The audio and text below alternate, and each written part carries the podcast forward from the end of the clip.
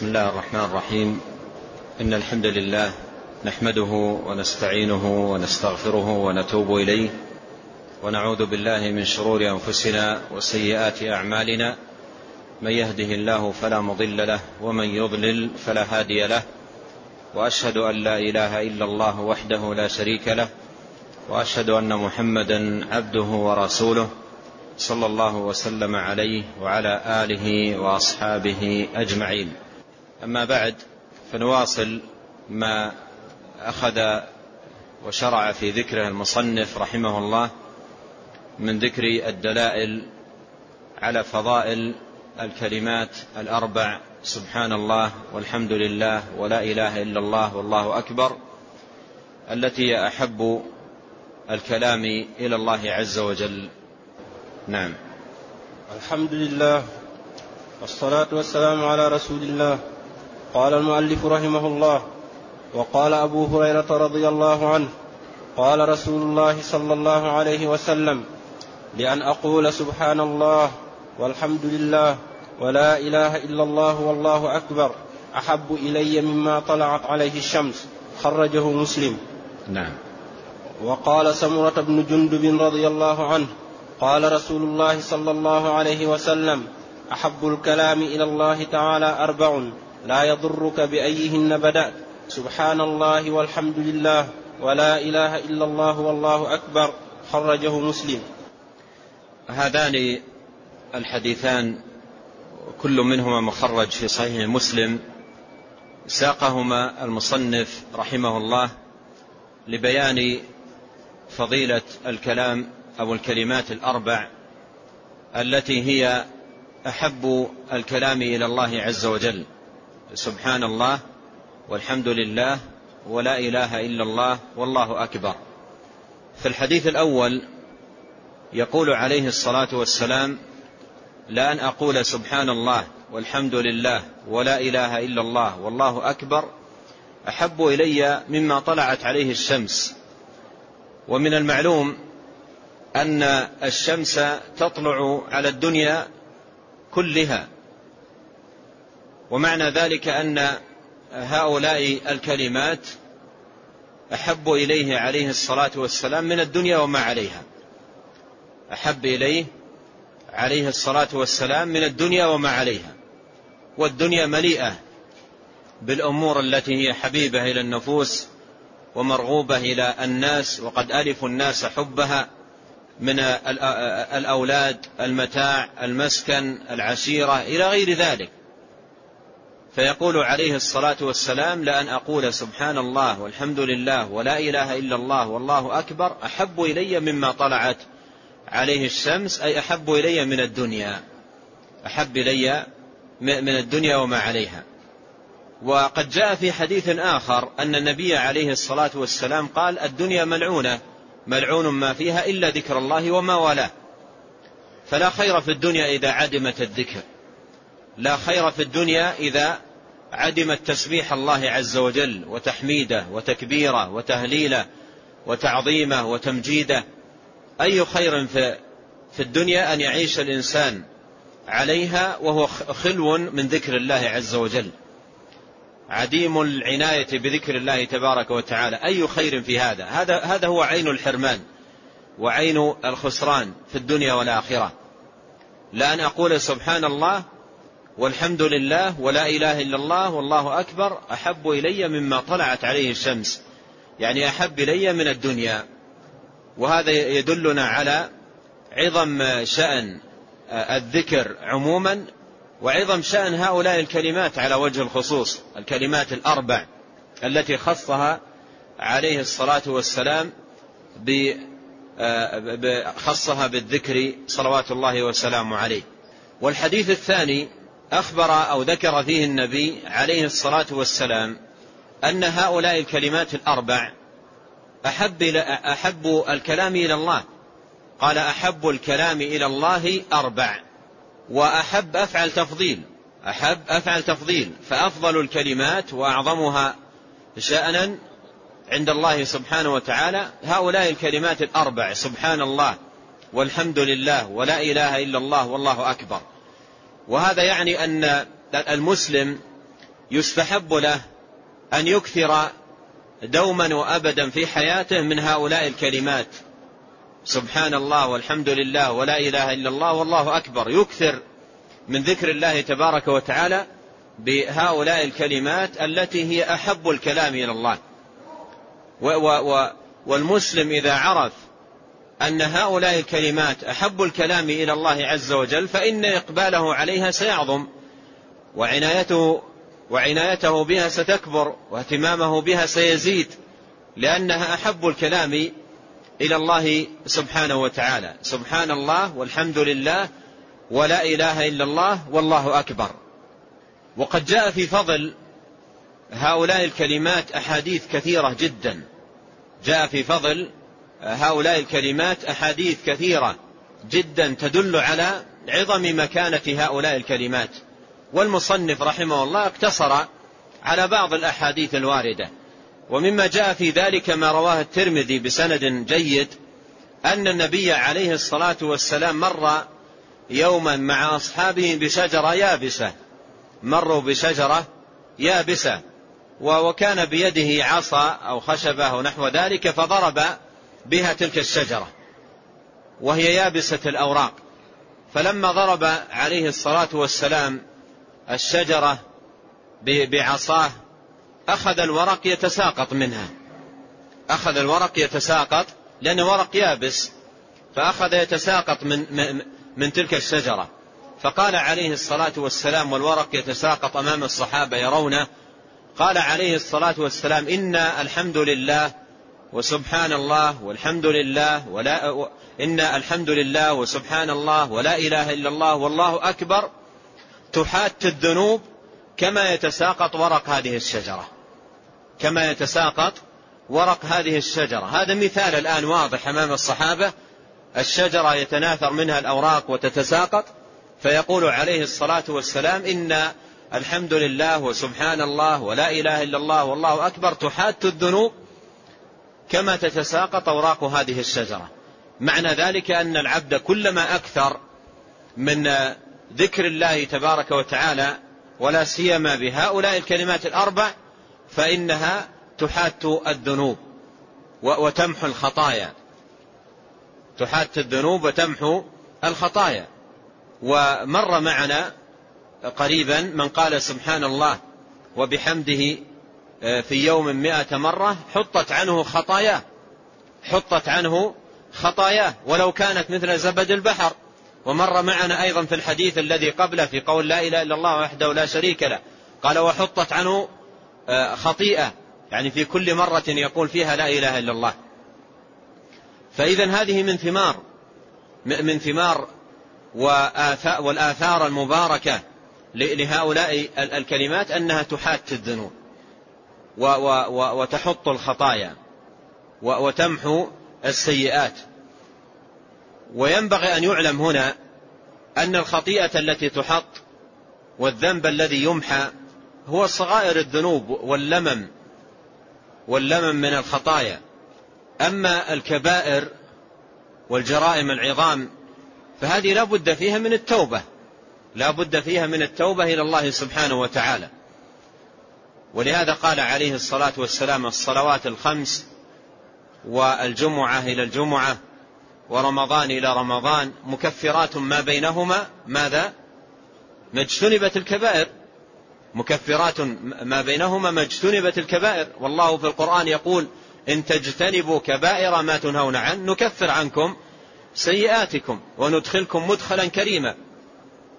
فالكبائر لا بد فيها من توبة النصوح. وإلا أعظم الطاعات الصلاة. الصلوات الخمس أعظم الطاعات. وأعظم فرائض الدين. والصلوات الخمس فيها تسبيح وفيها تهليل وفيها تحميد وفيها تكبير. ولكنها لم, لم تنهض كما دل الحديث لحط ماذا؟ الكبائر. قال ما اجتنبت الكبائر. الكبيرة لا بد منها لا بد فيها من التوبة. الزنا وشرب الخمر والسرقة والقتل وغير ذلك من الجرائم التي كبائر الإثم هذه لا بد فيها من التوبة. لا بد فيها من التوبة إلى الله عز وجل توبة, توبة صادقة. والكبيرة هي التي جاء فيها وعيد إما بالنار أو لعن صاحبها وفاعلها أو الإخبار بأنه لا يدخل الجنة أو أنه من أهل النار أو نحو ذلك من الوعيد فهذا كله كبائر. والعلماء رحمهم الله أفردوها الكبائر في مصنفات خاصة.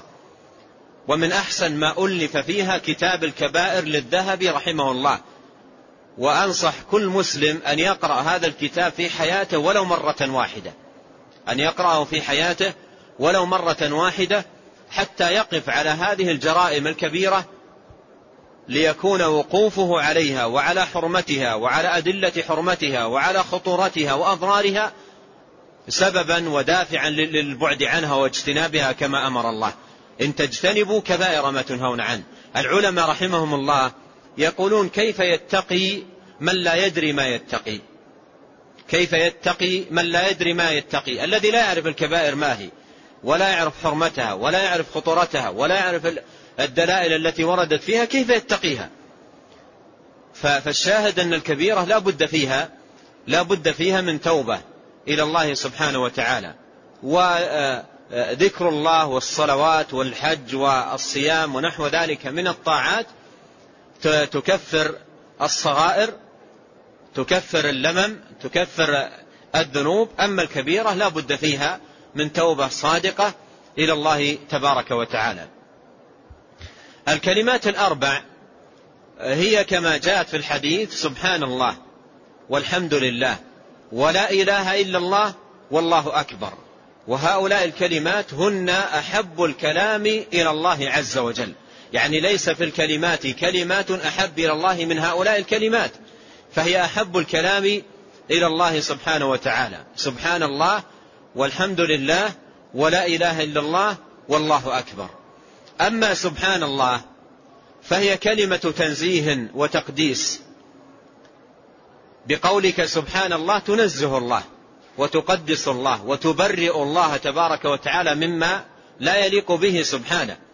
فسبحان الله كلمة تنزيه لله عز وجل عن النقائص وعن العيوب وعما لا يليق به سبحانه وتعالى وعن مماثلة المخلوقات الله عز وجل منزه عن ذلك كله فهي كلمة تنزيه ولهذا قال الله في القرآن سبحان ربك رب العزة عما يصفون.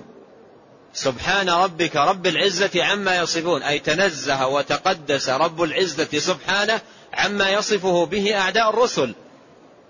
فالتسبيح تنزيه لله وتقديس له سبحانه وتعالى. ومن أسمائه القدوس. والسلام والسبوح وهذه كلها أسماء تنزيه أسماء تنزيه وتقديس لله عز وجل وتبرئة من النقائص. فقول المسلم سبحان الله أي أنزه الله ولا يحسن بالمسلم أن يقول هذه الكلمة وهو لا يدري ما هي ولا يدري ماذا تعني. والواجب أن يقول هذه الكلمة وسائر الأذكار المشروعة وهو يعي معناها ويعرف ما تدل عليه. وإلا فإنها فإنه فإن إتيانه بها سيكون ضعيف الأثر. سيكون إتيانه بها ضعيف الأثر إذا لم يكن يعي معناها ويعرف دلالتها. فسبحان الله تعني تنزيه الله عز وجل. والحمد لله فيها الثناء على الله. الحمد لله فيها الثناء على الله سبحانه وتعالى. إذا قلت الحمد لله أثنيت على الله. أثنيت عليه مع حبك له. لأن الحمد ثناء مع الحب لله عز وجل. فأنت تثني عليه جل وعلا بقولك الحمد لله. تثني عليه على أسمائه جل وعز وصفاته ونعمه وعطاياه ومننه. كل ذلك أنت تثني على الله به. فالله يحمد على الأسماء والصفات ويحمد على النعم والعطايا والهبات. يحمد تبارك وتعالى على ذلك كله. الحمد لله فيها الثناء على الله عز وجل. ولا إله إلا الله هذه فيها التوحيد. لا إله إلا الله فيها التوحيد وفيها الإخلاص وفيها البراءة من الشرك. وعرفنا أن لا إله إلا الله هي كلمة التوحيد. أن لا إله إلا الله هي كلمة التوحيد وهي قائمة على ركنين اثنين. النفي في أولها والإثبات في آخرها. ولا توحيد إلا بهما. لا توحيد إلا بالنفي والإثبات. الذي قامت عليه كلمة التوحيد لا إله إلا الله. النفي في أولها لا إله. والإثبات في آخرها إلا الله. تنفي وتثبت.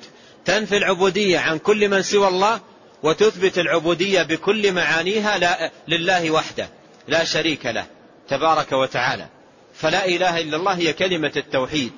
وكلمة الإخلاص وهي الكلمة التي جعلها إبراهيم عليه السلام باقية في عقبه لعلهم يرجعون وهي كلمة التقوى وهي العروة الوثقى وهي كلمة الشهادة وهي مفتاح دار السعادة وهي أعظم النعم وأجل المنن. ولهذا لما ذكر الله سبحانه وتعالى في سورة النحل التي يسميها بعض العلماء سورة النعم لما ذكر الله نعمه فيها بدأها بنعمة لا إله إلا الله. بدأها بنعمة لا إله إلا الله كلمة التوحيد. ولهذا قال بعض السلف ما أنعم الله على عبده أو على عباده نعمة أعظم من أن عرفهم لا إله إلا الله. فهي أكبر النعم وهي أفضل الحسنات وأجل الطاعات وأفضل الكلمات. لا إله إلا الله هي كلمة التوحيد من تمسك بها فقد تمسك بالعروة الوثقى التي لا انفصام لها. ولا يكون التمسك بلا إله إلا الله إلا بالعلم بمعناها والعمل بمقتضاها والصدق في قولها. انظر إلى هذه الأمور الثلاثة العلم والعمل والصدق. العلم يخرج به قائلها عن طريقة اليهود. العلم يخرج به قائلها عن طريقة النصارى. الذين يعملون ولا يعلمون. والعمل يخرج به عن طريقة اليهود الذين يعلمون ولا يعملون. والصدق يخرج فيه عن طريقة المنافقين الذين يظهرون ما لا يبطنون. فلا بد فيها من العلم والعمل والصدق. علم بمعناها وعمل بمقتضاها وصدق في قولها بحيث يقولها من قلبه يواطئ قلبه لسانه. لا إله إلا الله كلمة التوحيد. ثم الكلمة الرابعة الله أكبر. الله أكبر. والتكبير فيه التعظيم لله سبحانه وتعالى واعتقاد أنه سبحانه وتعالى الكبير المتعال الذي لا أكبر لا أكبر منه. قل أي شيء أكبر شهادة قل الله. فالله عز وجل هو الكبير المتعال سبحانه وتعالى الذي لا أكبر منه. عز وجل. فالله أكبر أي من كل شيء. الله أكبر أي من كل شيء. ولهذا جاء في الحديث أن النبي عليه الصلاة والسلام قال لعدي بن أبي حاتم في, في أول إسلامه قال يا عدي ما يفرك؟ يعني ما الذي يجعلك تفر عن الإسلام وتهرب منه؟ ما الذي يجعلك تفر من الإسلام؟ أيفرك أن يقال لا إله إلا الله؟ أيفرك أن يقال لا إله إلا الله؟ وهل إله غير الله؟ أيفرك أن يقال الله أكبر؟ وهل شيء أكبر من الله؟ فكلمة الله أكبر تدل على أن الله عز وجل الكبير المتعال الذي لا أكبر منه سبحانه وتعالى.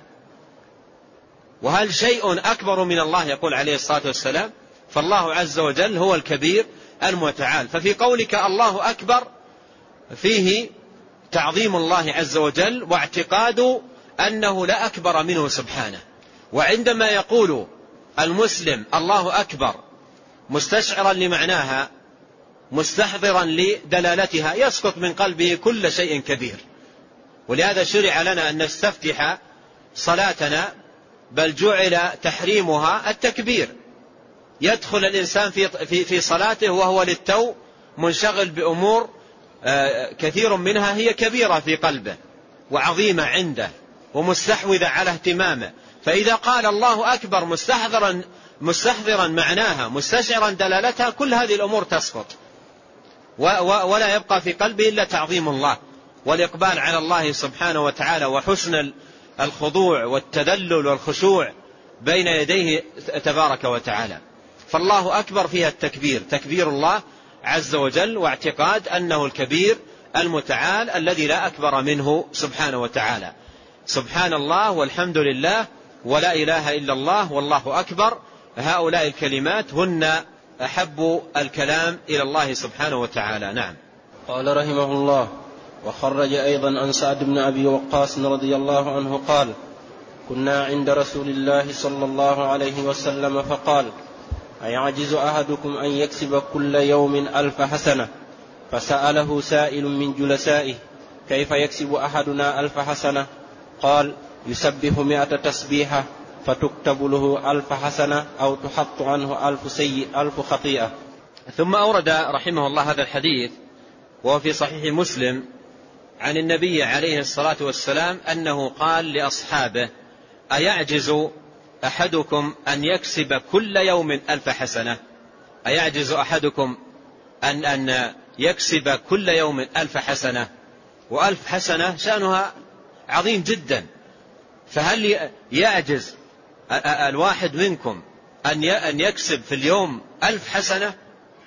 هذا أسلوب مثل ما عرفنا في درسنا الماضي أسلوب تشويق وترغيب. وكثيرا ما يأتي مثل هذا الأسلوب في حديثه صلوات الله وسلامه عليه.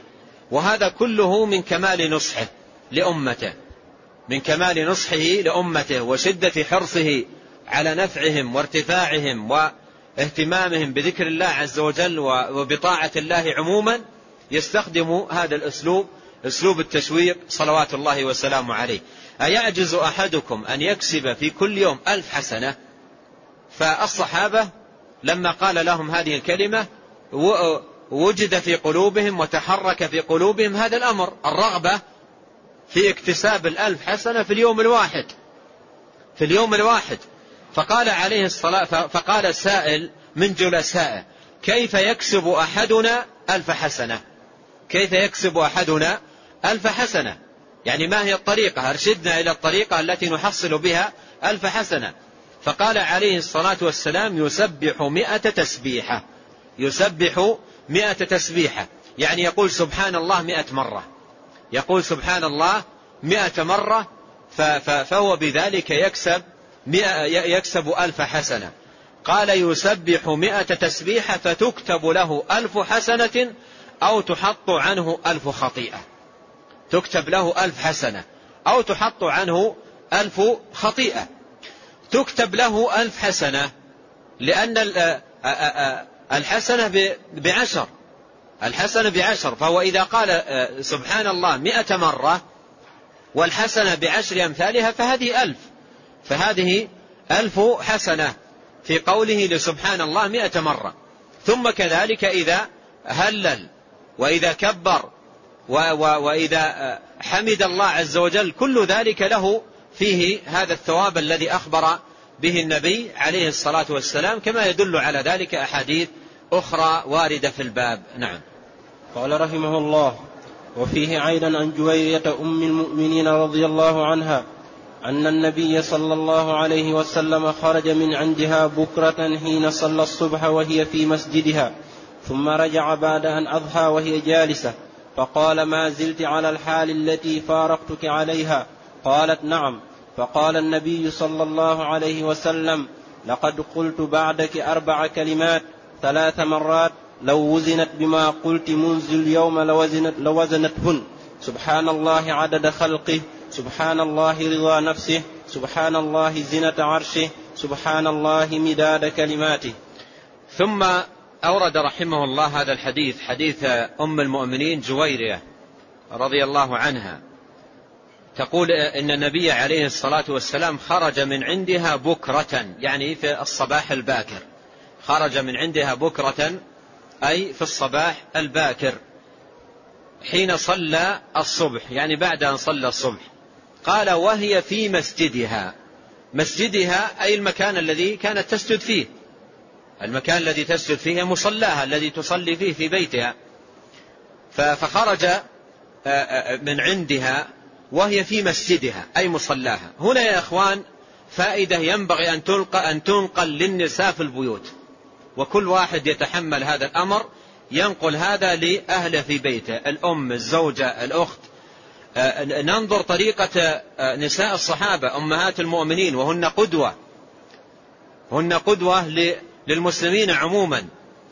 فجويرة رضي الله عنها آه، تصلي وتجلس في مصلاها. تصلي وتجلس في مصلاها تجلس في مصلاها المكان الذي صلت فيه في بيتها تبقى جالسة فيه تذكر الله سبحانه وتعالى. وهذا أمر يفوت كثير من النساء كثير من النساء إذا إذا صلت تصلي عجلة تصلي صلاتها عجلة ثم تطوي مصلاها وتقوم وتنهض من مصلاها ولا تجلس فيه.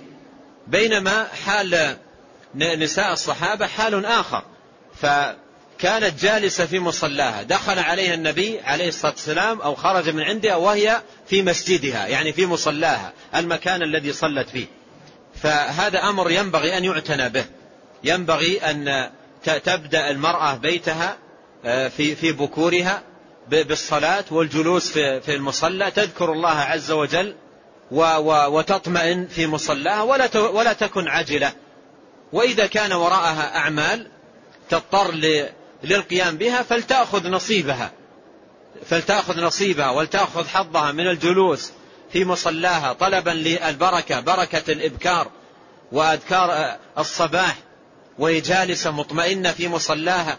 ثم بعد ذلك تنهض لأعمالها ومصالحها وأولادها.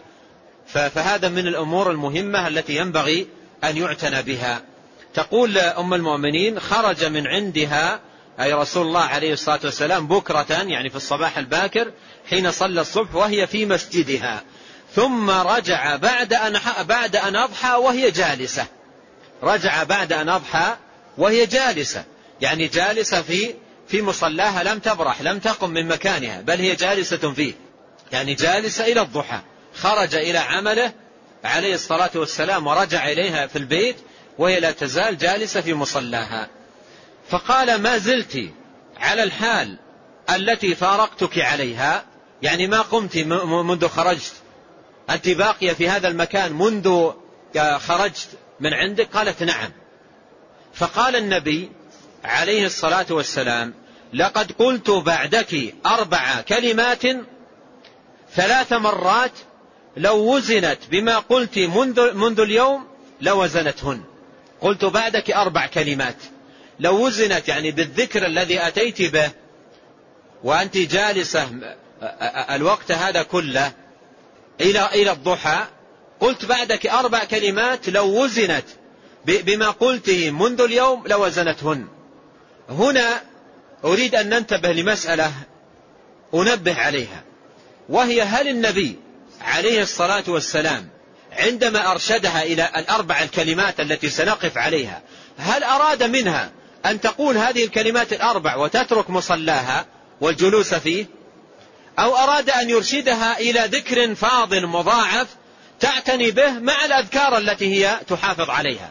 لننتبه لهذا. نحن, نحن سيأتي عندنا عند المصنف رحمه الله باب واسع وفصل واسع فيه أذكار عديدة تقال في الصباح من تسبيح وتهليل وتحميد ودعوات وأذكار متنوعة. يشرع للمسلم أن يأتي بها في صباحه. من جملتها هذا الذكر المضاعف الذي أرشد إليه النبي عليه الصلاة والسلام. فلما قال لها هذا الكلام لم يقله لها تزهيدا منه عليه الصلاة والسلام لها في العمل الذي هي كانت عليه. جالسة في مصلاها. بل هذا جاء فيه الترغيب في أحاديث عنه صلوات الله وسلامه عليه. وجاء في صحيح مسلم أنه صلى الله عليه وسلم إذا صلى جلس في مصلاه حتى, حتى تطلع الشمس. وجاء عن الترغيب في ذلك.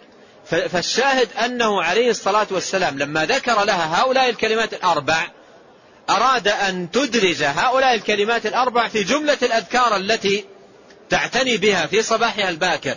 لا أنه قال لها ذلك ليزهدها فيما كانت ولتستعيض بهؤلاء الكلمات عن الذكر الذي كانت تقوله. هذا أمر ينبغي أن ننتبه له.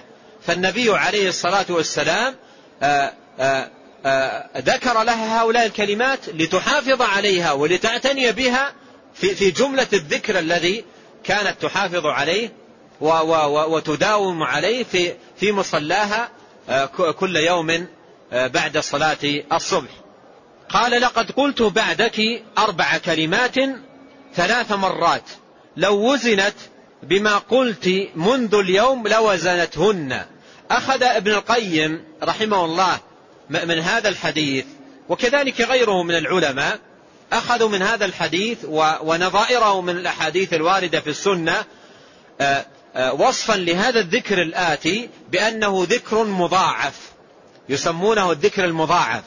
الذكر المضاعف يعني الذي الذي ثوابه مضاعف عن بقية الأذكار في تضعيف في الثواب وتضعيف في الأجر.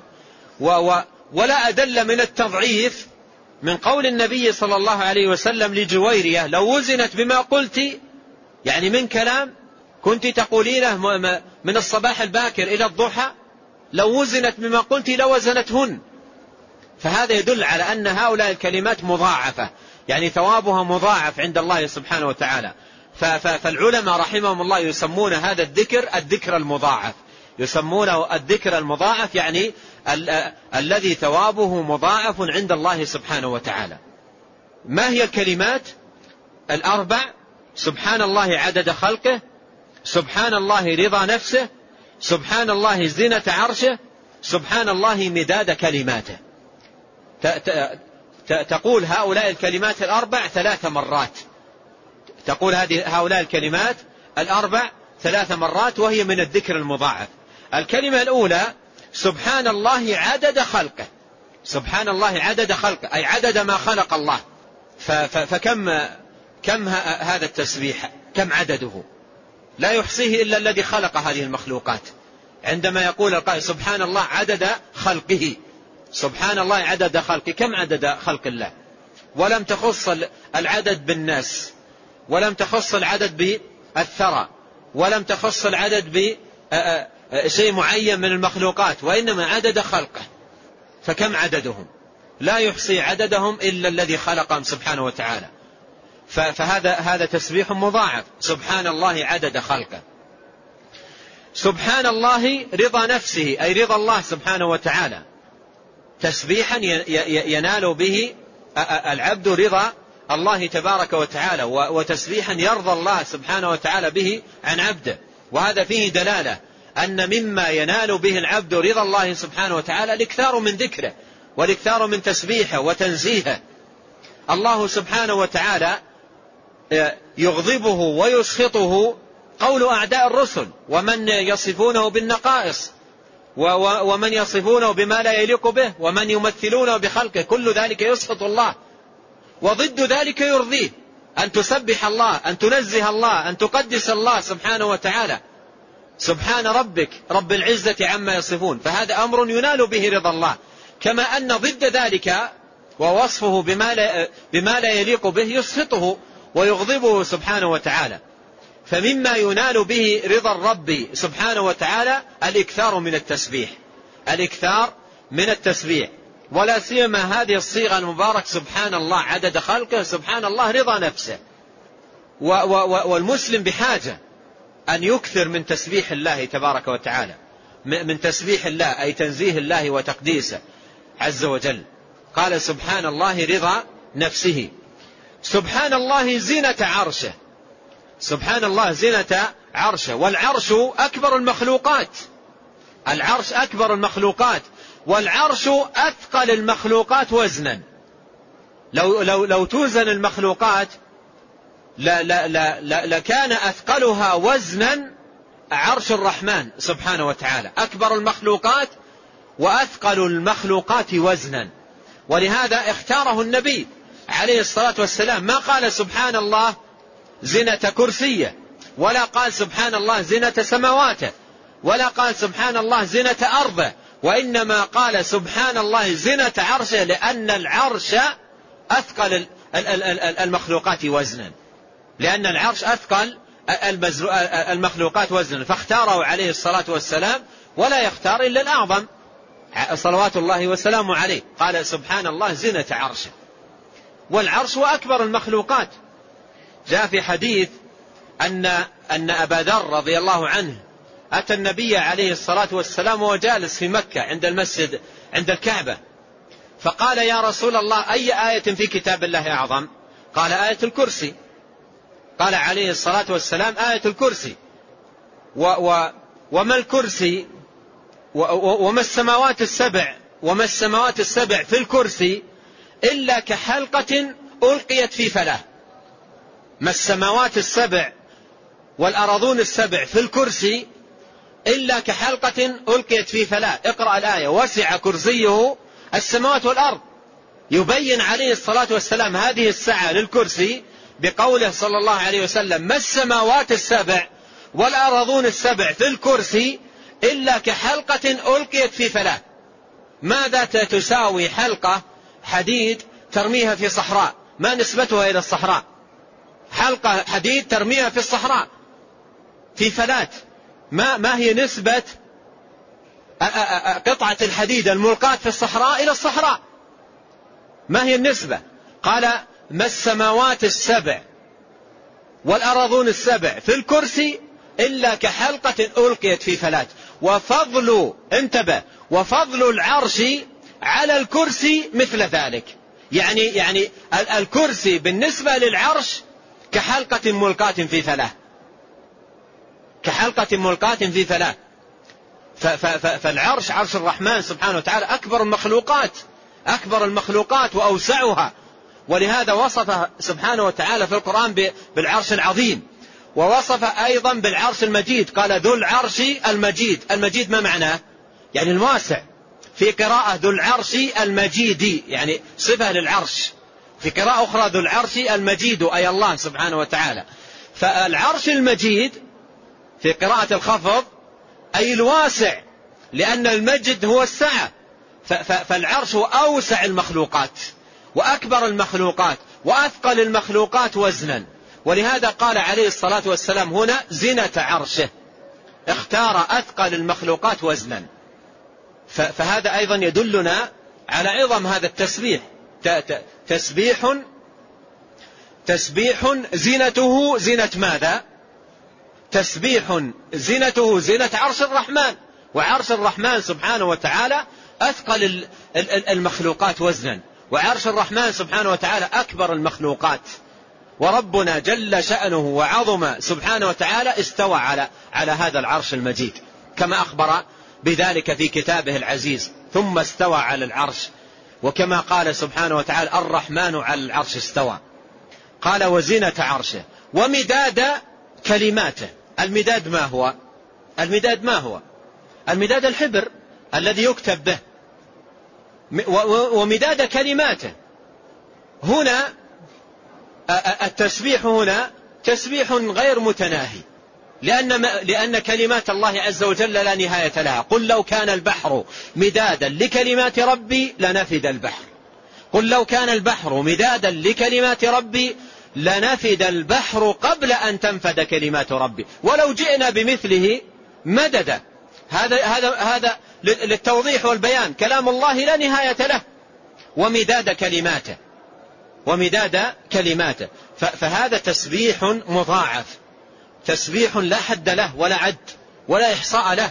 من الذي يحصي مخلوقات الله؟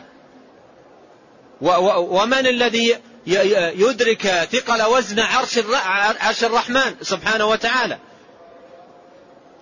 فهذا تسبيح لا حد له ولا عد. فهو تسبيح مضاعف. هنا هنا نستشعر عظم نعمة الله علينا سبحانه وتعالى بأن هدانا إلى إلى إلى أمثال هذه الكلمات التي رتب سبحانه وتعالى عليها الأجور المضاعفة والثواب الجزيل.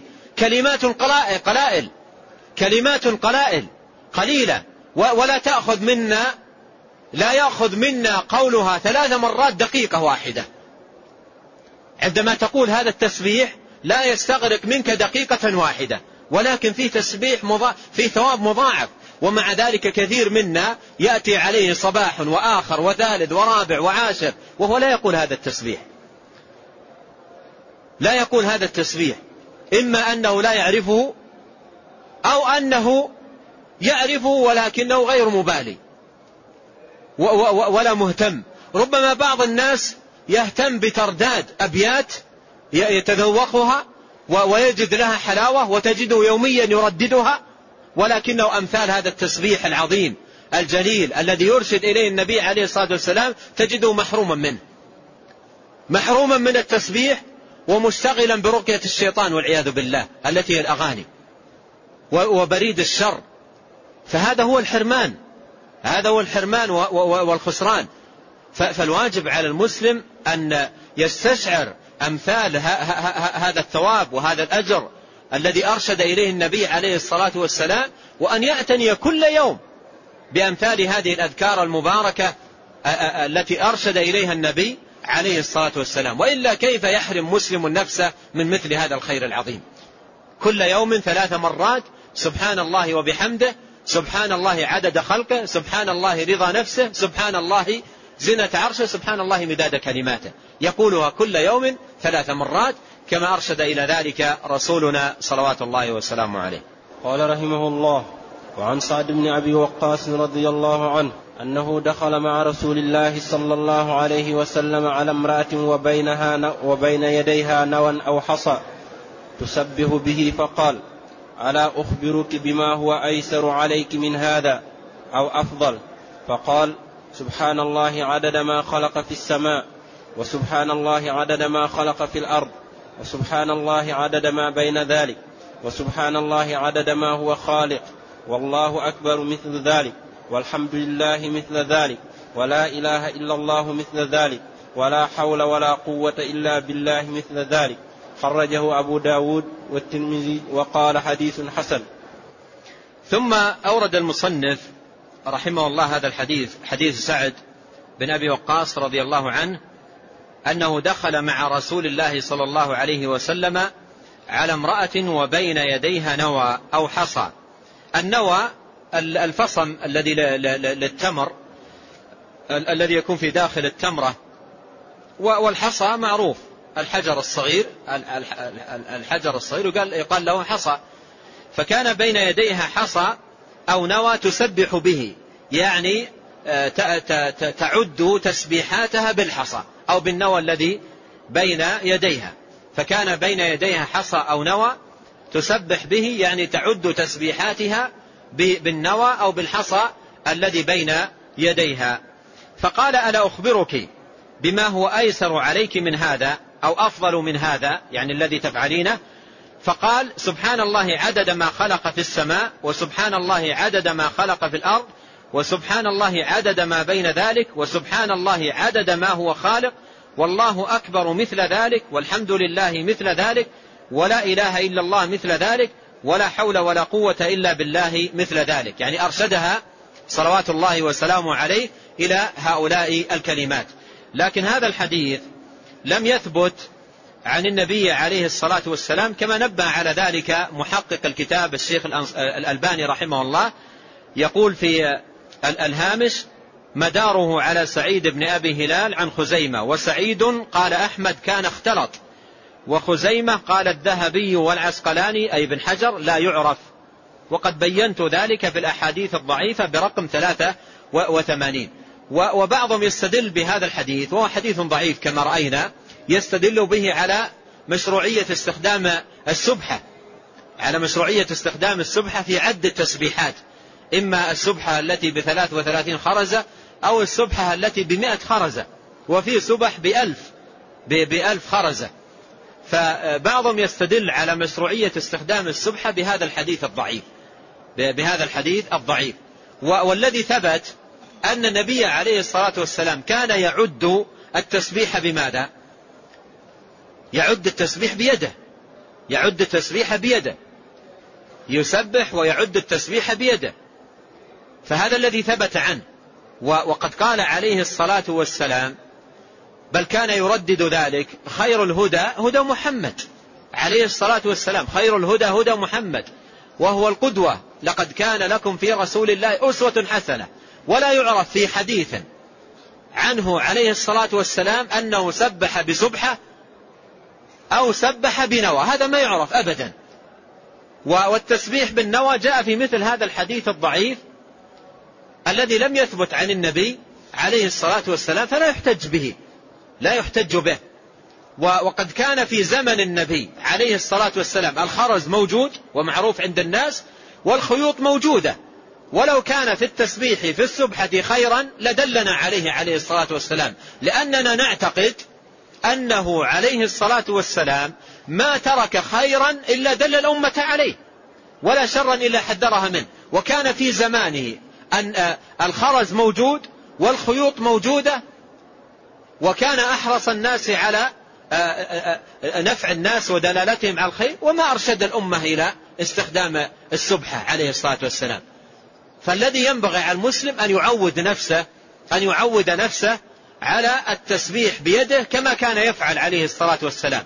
كان يعقد التسبيح بيمينه صلى الله عليه وسلم فيفعل المسلم مثل ما فعل صلى الله عليه وسلم وخير الهدى هدى محمد عليه الصلاة والسلام. ومن كان منا تعود لسنوات طويلة أن يسبح بسبحة عليه أن يتركها اقتداء بنبيه عليه الصلاة والسلام. ما عرف أبدا مطلقا نهائيا أنه عليه الصلاة والسلام سبح بسبحة. ولا حتى في حديث ضعيف ما جاء. أنه عليه الصلاة والسلام كان يسبح بسبحة أو, أو بنوى أو ما جاء من فعله عليه الصلاة والسلام. وجاء في مثل هذا الحديث أن, أن, أن بعض الصحابة فعل ذلك لكنه أيضا لم يثبت. فالواجب على المسلم أن يعود نفسه.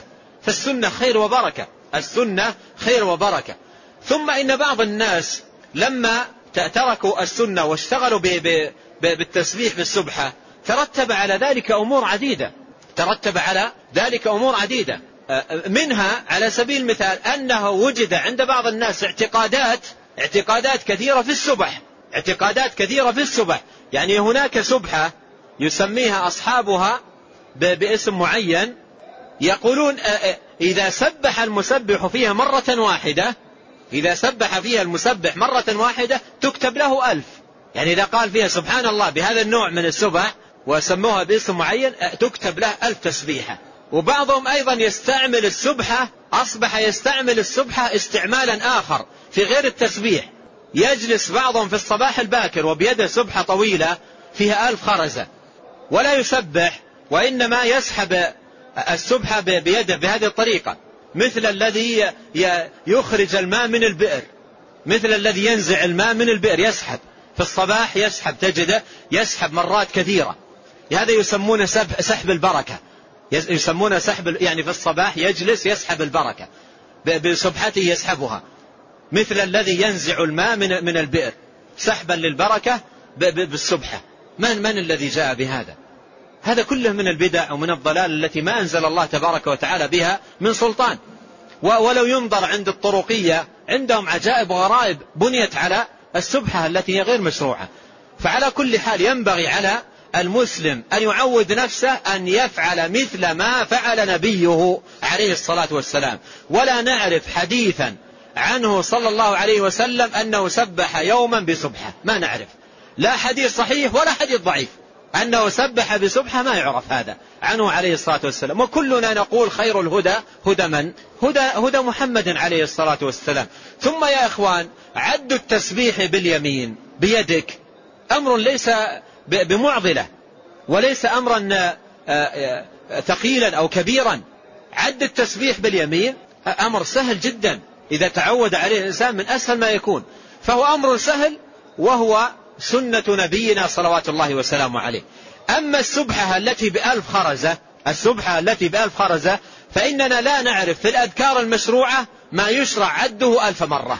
ووجود هذه السبحة التي في ألف خرزة تعني ماذا؟ أن هناك أذكار يشرع أن تعد ما كم؟ ألف مرة. ولا نعرف في الأذكار المشروعة ما يشرع عده أن تجلس وتعده ألف مرة. هذا ما نعرفه في الأذكار المشروعة. فهي يعني خطأ مبني على خطأ. خطأ مبني على على خطأ ومخالفة مبنية على مخالفة. ففي الأذكار المشروعة التي تعد لا نعرف ذكرا مشروعا يشرع للمسلم أن يعده ألف مرة هذا لا نعرفه في سنة النبي الكريم صلوات الله وسلامه عليه. نعم. قال رحمه الله وعن سعد بن أبي وقاص رضي الله عنه أن اعرابيا جاء إلى النبي صلى الله عليه وسلم فقال يا رسول الله علمني كلمات أقولهن قال قل لا إله إلا الله وحده لا شريك له الله أكبر كبيرا والحمد لله كثيرا سبحان الله رب العالمين لا حول ولا قوة إلا بالله العزيز الحكيم. قال فهؤلاء لربي فما لي؟ قال قل اللهم اغفر لي وارحمني واهدني وعافني وارزقني. فلما ولى الأعرابي فقال النبي صلى الله عليه وسلم لقد ملأ يديه من الخير. ثم أورد المصنف رحمه الله هذا الحديث حديث سعد بن أبي وقاص رضي الله عنه أن أعرابيا جاء إلى النبي صلى الله عليه وسلم فقال يا رسول الله علمني كلمات أقولهن. هنا قبل الدخول في الحديث أنبه على لطيفة مهمة وهي مجيء هذا الأعرابي إلى النبي عليه الصلاة والسلام. هذه سنة مباركة كان الأعراب يتوافدون على النبي عليه الصلاة والسلام ويتوافدون أيضا على أصحابه من بعده وعلى العلماء يتوافدون من أماكنهم لمعرفة الخير. فالخير لا بد أن يفد الإنسان عليه وأن يقبل عليه وأن يبحث عنه وأن يسأل عنه ولا يبقى منقطعا في هجرته أو في قريته أو في في مكانه أو عند غنمه منعزلا عن الخير بل ينبغي أن أن يقدم إلى أماكن العلم وأماكن الخير ويسأل عن الخير ثم يرجع إلى مكانه. أما أن يبقى آه، مع غنماته أو مع مصالحه ويبقى حياته إلى أن يأتيه الموت وهو معطلا نفسه عن معرفة الخير هذه مصيبة. فهذا يؤخذ منه منهج أن ينبغي على آه، من أراد بنفسه الخير من أهل القرى من أهل آه، الضيعات من أهل أن يقدم إلى أماكن العلم يخصص وقتا من حياته يقدم يسأل يتعلم دينه. لا يبقى حياته إلى أن يتوفاه الله سبحانه وتعالى ولا يعرف دينه. والعلم يقول عليه الصلاة والسلام بالتعلم. إنما العلم بالتعلم. فينبغي أن يذهب ويبحث عن العلم ويسأل عن دينه ويتعرف عليه كما كان الصحابة وكما كان الأعراب يتوافدون إلى النبي عليه الصلاة والسلام. بل كان الصحابة من حول النبي عليه الصلاة والسلام. إذا جاء أعرابي يفرحون. إذا جاء أعرابي يفرحون. لأنه سيأتي أسئلة وسيخرج علم ويستفيد الناس ويحصل أمور فيها نفع وفائدة. فكانوا يفرحون آه، بمقدم من يأتي من الأعراب إلى النبي عليه الصلاة والسلام. قال أن أعرابيا جاء إلى النبي صلى الله عليه وسلم فقال يا رسول الله علمني كلمات أقولهن. يعني أراد من النبي عليه الصلاة والسلام أن يرشده إلى ذكر يقوله إلى إلى ذكر أن إلى ذكر يقوله ويحافظ عليه.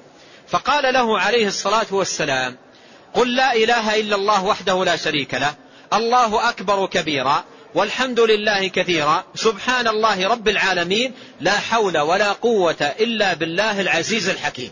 علمه هؤلاء الكلمات. وهذه الكلمات أو الجمل الخمس هذه كلها ذكر لله سبحانه وتعالى. كلها ذكر لله سبحانه وتعالى. تذكر الله عز وجل بالتهليل بالتكبير بالتحميد إلى آخره. كلها ذكر لله سبحانه وتعالى. ومعانيها مرت معنا.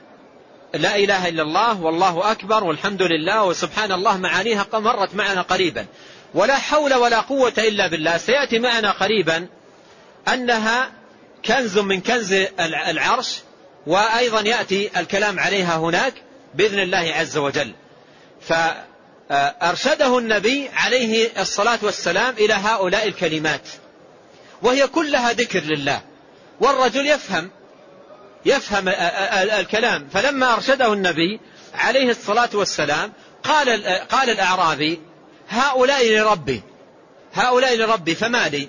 يعني هذا كله ذكر لله. هؤلاء لربي فما لي؟ أنا أريد أيضا شيء لي. فقال هؤلاء لربي. يعني هذا المعنى شبيه بالمعنى الذي جاء ابتداء في سورة الفاتحة. رب العالمين ماذا قال سبحانه وتعالى؟ قال في الحديث الصحيح قسمت الصلاة بيني وبين عبدي نصفين. يعني نصف لله ونصف للعبد. بعض العلماء يقول الفاتحة مقسومة بالنصف بين الرب والعبد. ثلاث آيات نصف للرب وثلاث آيات نصف للعبد. وهذا من كرم الله سبحانه وتعالى. يقول قسمت الصلاة المراد بالصلاة الفاتحة. وسميت الصلاة الفاتحة صلاة لأنها ركن الصلاة الأعظم. فقال قسمت الصلاة بيني وبين عبدي نصفين. قسمت الصلاة بيني وبين عبدي نصفين. فهنا يقول الأعرابي هذا لربي. يعني كله تمجيد وثناء وتحميد وتكبير كله كله لربي. فما لي؟ يعني أنا أريد شيء لي أنا. دعوات آه، لي أنا. فقال له النبي عليه الصلاة والسلام قل اللهم اغفر لي. وارحمني واهدني وعافني وارزقني. فجمع له عليه الصلاة والسلام بهذه الدعوات الجوامع الخير كله. جمع له الخير كله. أرشده أن يسأل الله المغفرة أي مغفرة الذنوب وهو سترها والعفو عنها والصفح. قال وارحمني أي أدخلني برحمتك بالتوفيق للأعمال الصالحة والطاعات الزاكية وحسن الإقبال على الله سبحانه وتعالى. واهدني أي إلى صراطك المستقيم وأسباب البر والسعادة والفلاح في الدنيا والآخرة. وعافني. أي عافني في بدني وعافني في مالي وعافني في ولدي وعافني في صحتي عافني في ذلك كله. عافني في ديني عافني في دنياي عافني في آخرتي. وارزقني أي من خير الدنيا والآخرة. فأرشده النبي عليه الصلاة والسلام إلى هؤلاء الكلمات. أرشده عليه الصلاة والسلام إلى إلى هؤلاء الكلمات. يعني هذه لك. تلك لله ذكر لله وهذا لك يعني دعاء تدعو به آه، لك جامع لخير الدنيا والآخرة. فانصرف انطلق الأعرابي وهو ممسك بيده فقال النبي عليه الصلاة والسلام لقد ملأ يديه من الخير. لقد ملأ يديه من الخير. وهذا يدلنا على أن من يحفظ هذه الكلمات وهذه الدعوات يكون ملأ يديه من الخير. خير عظيم حصله. والأعرابي انطلق وهو ممسك بهذا الخير يعني أي عازم عازم عزما على أن يحافظ على هذا الذكر وهذا الدعاء. فملأ يديه من الخير كما أخبر بذلك الرسول الكريم عليه الصلاة والسلام. نعم. قال رحمه الله وعن عبد الله بن مسعود رضي الله عنه قال قال النبي صلى الله عليه وسلم لقيت إبراهيم ليلة أسري بي فقال يا محمد أقرئ أمتك مني السلام وأخبرهم أن الجنة طيبة التربه طيبة التربة عذبة الماء وأنها قيعان وأن غراسها سبحان الله والحمد لله ولا إله إلا الله والله أكبر. قال الترمذي حديث حسن. ثم أورد المصنف رحمه الله هذا الحديث في فضل الكلمات الأربع سبحان الله والحمد لله ولا إله إلا الله والله أكبر. وفيه أن النبي عليه الصلاة والسلام يقول لقيت إبراهيم ليلة أسري بي.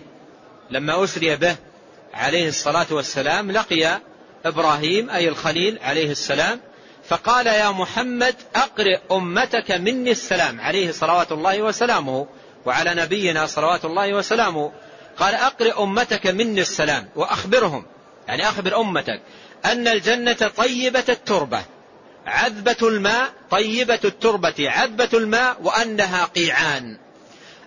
القيعان هي الأرض المستوية المنبسطة الخصبة الصالحة للزراعة. وهنا أرض خصبة وطيبة وماؤها عذب يعني مهيئة للزرع. مهيئة للزرع. أرض طيبة. الآن لو قيل لأحدنا آه، يوجد أرض آه، ثمنها رخيص وصفتها كذا تحرك قلبه أن يمتلكها وأن يزرعها وأن يضع فيها من النخيل وأطايب الأشجار ما, ما تحبه نفسه. فانظر الترغيب. قال أخبرهم. وهذا من نصح إبراهيم عليه الصلاة والسلام لأمة محمد صلى الله عليه وسلم. قال أقرئهم السلام أقرئهم مني السلام وأخبرهم أن الجنة طيبة التربة عذبة الماء وأنها قيعان. يعني جاهزة اغرسوا فيها. والغرس في تلك التربة وفي تلك الأرض الطيبة ما يكلفك شيء. الآن لو كان عندك أرض وتريد أن تغرس نخلة كم يحتاج منك من جهد؟ عمال ومعاول وعمل وجهد وحفر وأشياء كثيرة تفعلها حتى تغرس النخلة.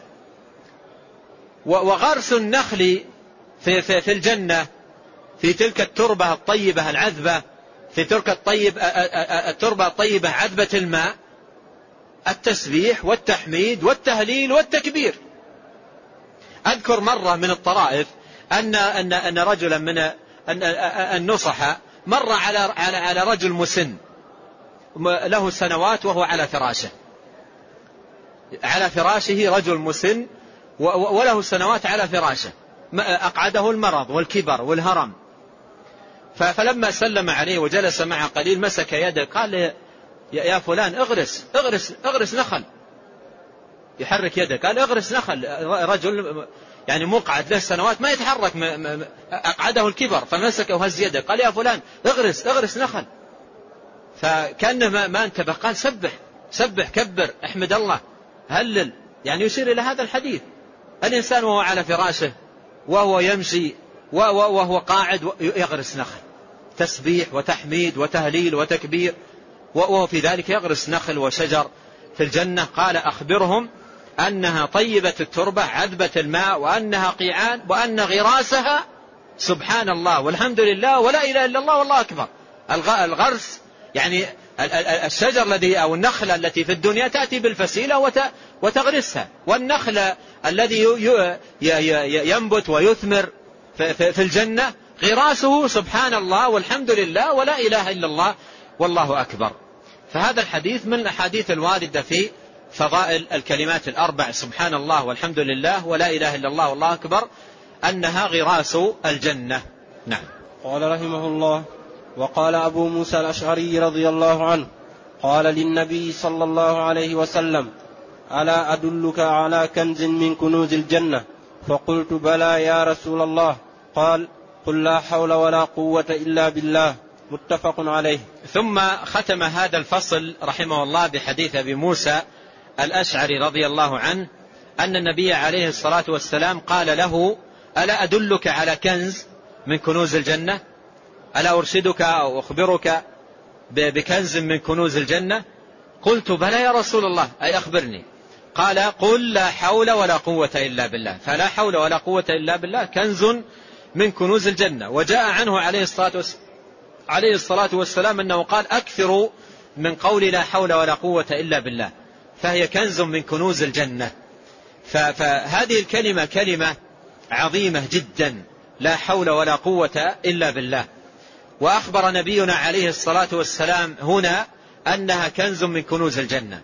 وهي كلمة استعانة بالله سبحانه وتعالى.